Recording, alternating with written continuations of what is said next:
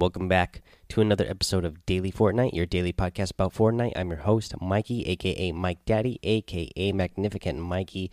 I am a creator you can support. And support a creator, just put in Mike Daddy, M M M I K E D A D D Y, in the support a creator, and a little bit will go my way. Also, I have an Amazon link. Click on the Amazon link in the show notes or show description. While you are shopping on Amazon, a little bit will go my way at no extra cost to you. Speaking of supporting some creators, guys, uh, let's give some ninjas some support and love out there, man. This guy is uh, face a uh, a rough past couple days here.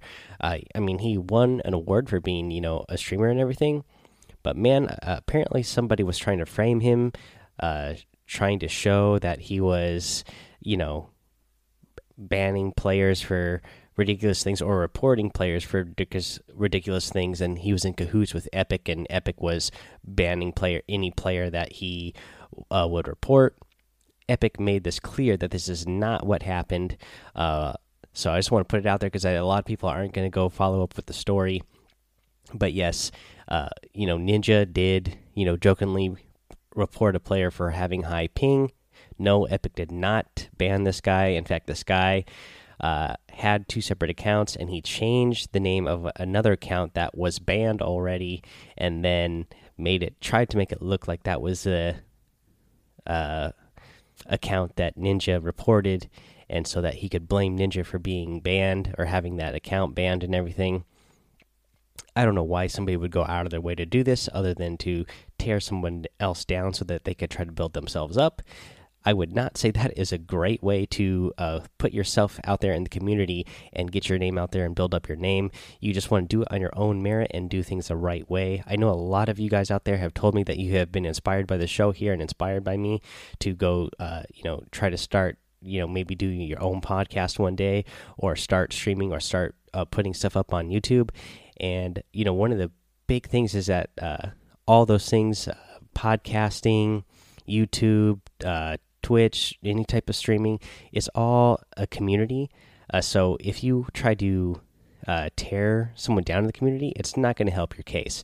Uh, it's it's more better if you try to be friends with other people in the community, and uh, you know help help others rise up rather than try to tear them down. That's just going to be the thing that helps you in the long run. Alrighty, let's move on from that. Let's go over uh, a little update here that I, I guess not everybody um, caught when I made the uh, when I went over the 6.3 patch notes, but the quad crashers, uh, you know the the low four by fours, those are 100% spawn right now. So they will be everywhere throughout the entire map. Anywhere that they're supposed to spawn, they will be there 100% of the time now. They used to have a 50% spawn rate, so it used to be 50 50 you know every spot on the map where a, uh, a quad crasher could spawn uh, there was a 50 50 chance if it would spawn there that match or not. They did change this to 100% spawn rate every match. So every quad crasher that is supposed to be wherever it's supposed to be is going to be there. So you don't have to wonder if it's going to be there. It will be there. This was part of the 6.3 update uh, now, with that being said, we can use the Quad Crasher to get one of our weekly challenges done.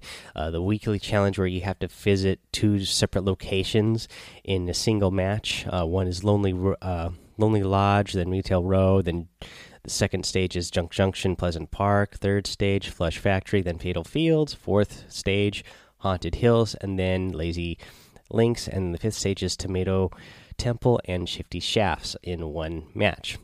So you can most of these are pretty close together, like Lonely Lodge and Retail Row. That should been shouldn't be any problem of just walking from one spot to the other or running to one spot to the other. But uh, you know there are quad crashers there, uh, so you can use them and you can get there you know even faster if you're worried about it.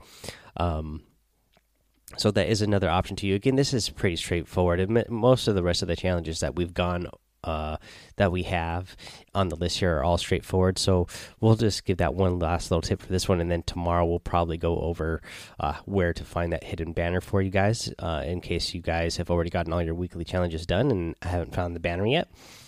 Uh, let's see here. What else can we go over.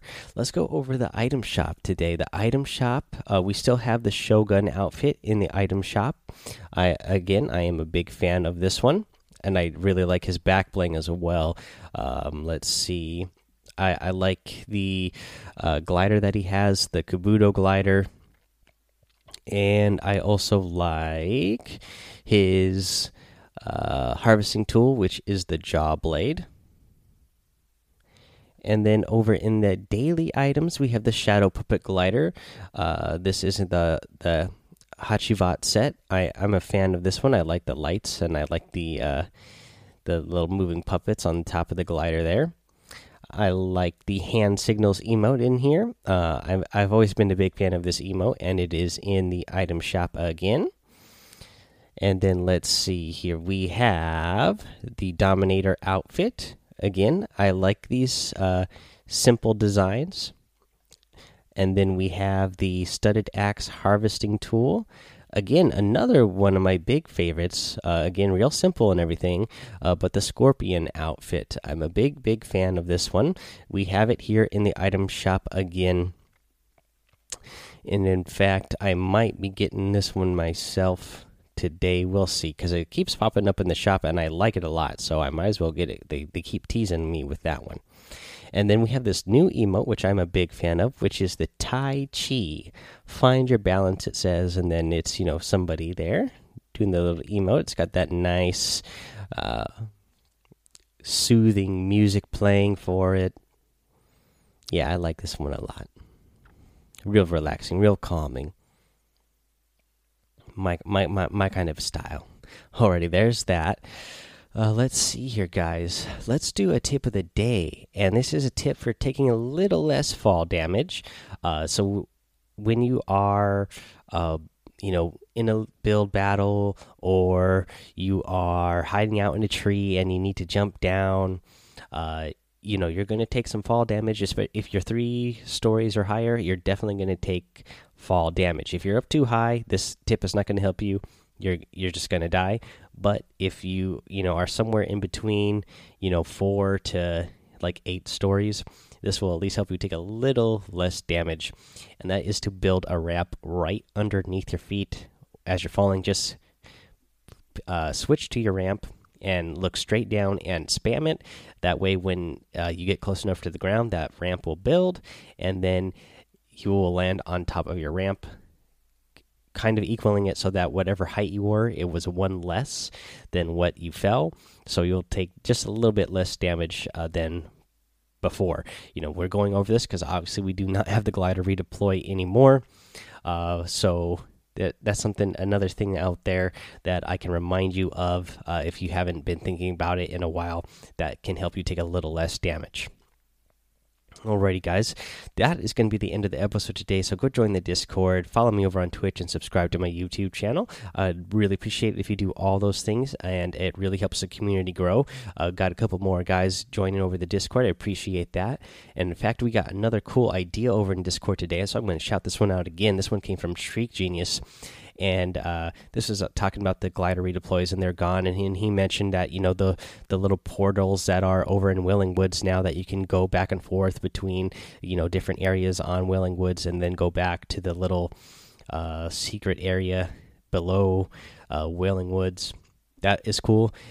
And obviously yeah we would it would be nice if we get those portals that go throughout the map later on but the idea that I like that he really had uh, I mean, the idea that I really liked that he had in the Discord was zip lines. That would be really cool if we had zip lines in in Fortnite. Like, there's a couple mountains in particular I can think of, especially since we don't have the glider redeployed right now. That'd be really cool if you had a zip line that you could run to whatever side of the mountain they put it on. That you could just go run to it, you know, jump on to it, jump and interact with it, and then it would uh, zip you down to whatever the next spot was uh, yeah, so yeah, I think that was a really cool idea. Uh, so thank you guys for uh, again coming up with some great ideas over in the Discord. Uh, let's see here. What else can you help to do, community? You can rate, review, and subscribe over on Apple Podcast, iTunes. Leave a five star rating and a written review, and you'll get a shout out here on the show. And that is going to be it, guys. So until tomorrow, have fun, be safe, and don't get lost in the storm.